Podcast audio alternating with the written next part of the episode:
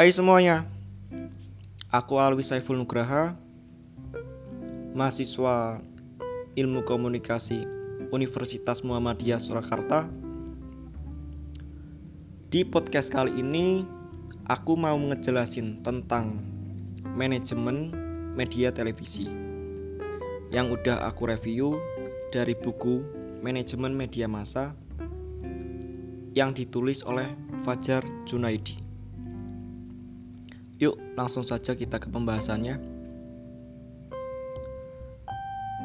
Perkembangan media massa mengalami perkembangan yang sangat pesat pada pasca reformasi tahun 1998. Sistem politik yang dulu sebelumnya otoriter di masa Orde Baru berganti menjadi demokratis.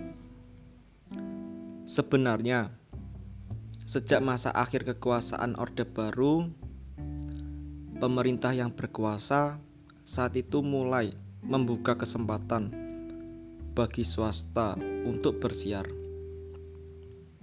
Salah satunya yaitu RCTI dan RCTI lah yang menjadi stasiun televisi swasta pertama yang mengudara pada tahun 1989. Yang perlu kita tahu juga, setelah lahirnya RCTI, banyak stasiun televisi yang mulai bermunculan, seperti SCTV, Antv, Indosiar, TPI, dan stasiun lainnya. Dan tentunya, persaingan bisnis di dalam dunia penyiaran pun semakin ketat, baik di radio dan di televisi. Bahkan, stasiun televisi yang tidak mampu bersaing akhirnya gulung tikar loh. Karena ya mungkin dibeli oleh pemuda lain Keberhasilan dan kegagalan dalam bisnis penyiaran dapat dikatakan sangat tergantung pada manajemen dalam media penyiaran. Program televisi yang bagus dengan penonton yang banyak dan mendapatkan rating yang tinggi itu tidak bisa dilihat semata-mata sebagai keberhasilan bagian yang memproduksi program tersebut. Namun harus dilihat sebagai keberhasilan bersama dari berbagai pihak yang terlibat dalam proses manajemen di stasiun televisi. Aku akan ambil sebuah contoh nih. Program televisi seperti komedi seru misalnya. Acara komedi yang setiap hari ditayangkan secara live dan menarik perhatian penonton.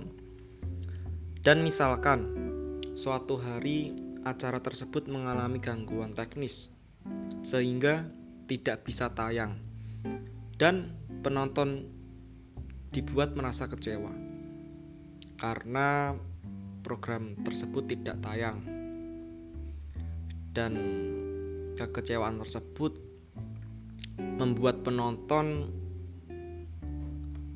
melihat program lain dan membuat nama baik stasiun televisi pun menjadi hancur. Bahkan dampak dari itu semua ditanggung oleh semua bagian yang terlibat dalam program tersebut. Jadi, contoh tersebut memperlihatkan bagaimana dalam produksi siaran televisi perlu adanya manajemen yang baik antar berbagai bagian. Gimana sih sejarah dan perkembangan penyiaran televisi? Nah, Sejarah perkembangan penyiaran televisi menjadi latar terbentuknya programming dalam penyiaran televisi loh. Jika kita telusuri dari sejarahnya, perkembangan teknologi televisi dapat dilacak mulai berkembang pada tahun 1923. Pada saat itu, Vladimir Suarikin, seorang pegawai di Westinghouse, mempatenkan tabung gambar televisi yang di dalamnya terdapat ikonoskop. Philo Fashort mengembangkan sistem dan mempatenkan tabung di sektor. Dan di, dan di saat itu, orang-orang lain bereksperimen dengan cara bagaimana menyiarkan gambar. Dua orang peneliti independen ini memberikan sumbangsih besar dalam kelahiran seluruh transmisi televisi. Perkembangan teknologi televisi memang banyak berakar di Amerika Serikat. Namun demikian bukan berarti di negara-negara lain. Terutama di bagian Eropa Barat misalnya. Teknologi pertelevisian tidak dikembangkan ya. Dan sekarang aku akan lanjut ke struktur susunan dan manajemen televisi. Gimana sih struktur susunan dan manajemen televisi? Perlu kalian tahu juga, stasiun televisi dipimpin oleh manajer yang di, biasa disebut sebagai manajer umum. Di stasiun televisi besar juga disebut sebagai direktur utama. Selain itu, istilah lain yang digunakan seperti presiden direktur, direktur utama, dan CEO. Pimpinan tertinggi dalam institusi media televisi ini sekaligus menjabat posisi sebagai ketua dewan direksi. Anggota dewan direksi meliputi berbagai direktur yang memimpin berbagai divisi dalam stasiun televisi.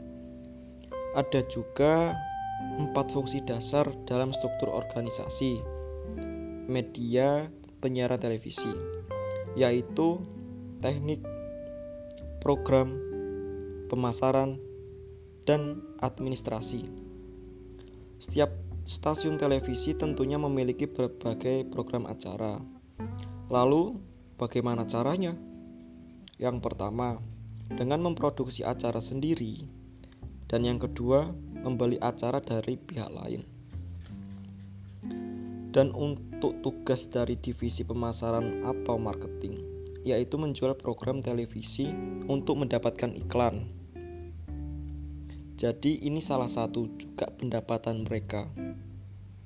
Biasanya, hal ini untuk stasiun televisi swasta agar mendapatkan penambahan pendapatan. So, itu tadi, guys, obrolan kali ini mengenai manajemen media televisi dan strukturnya.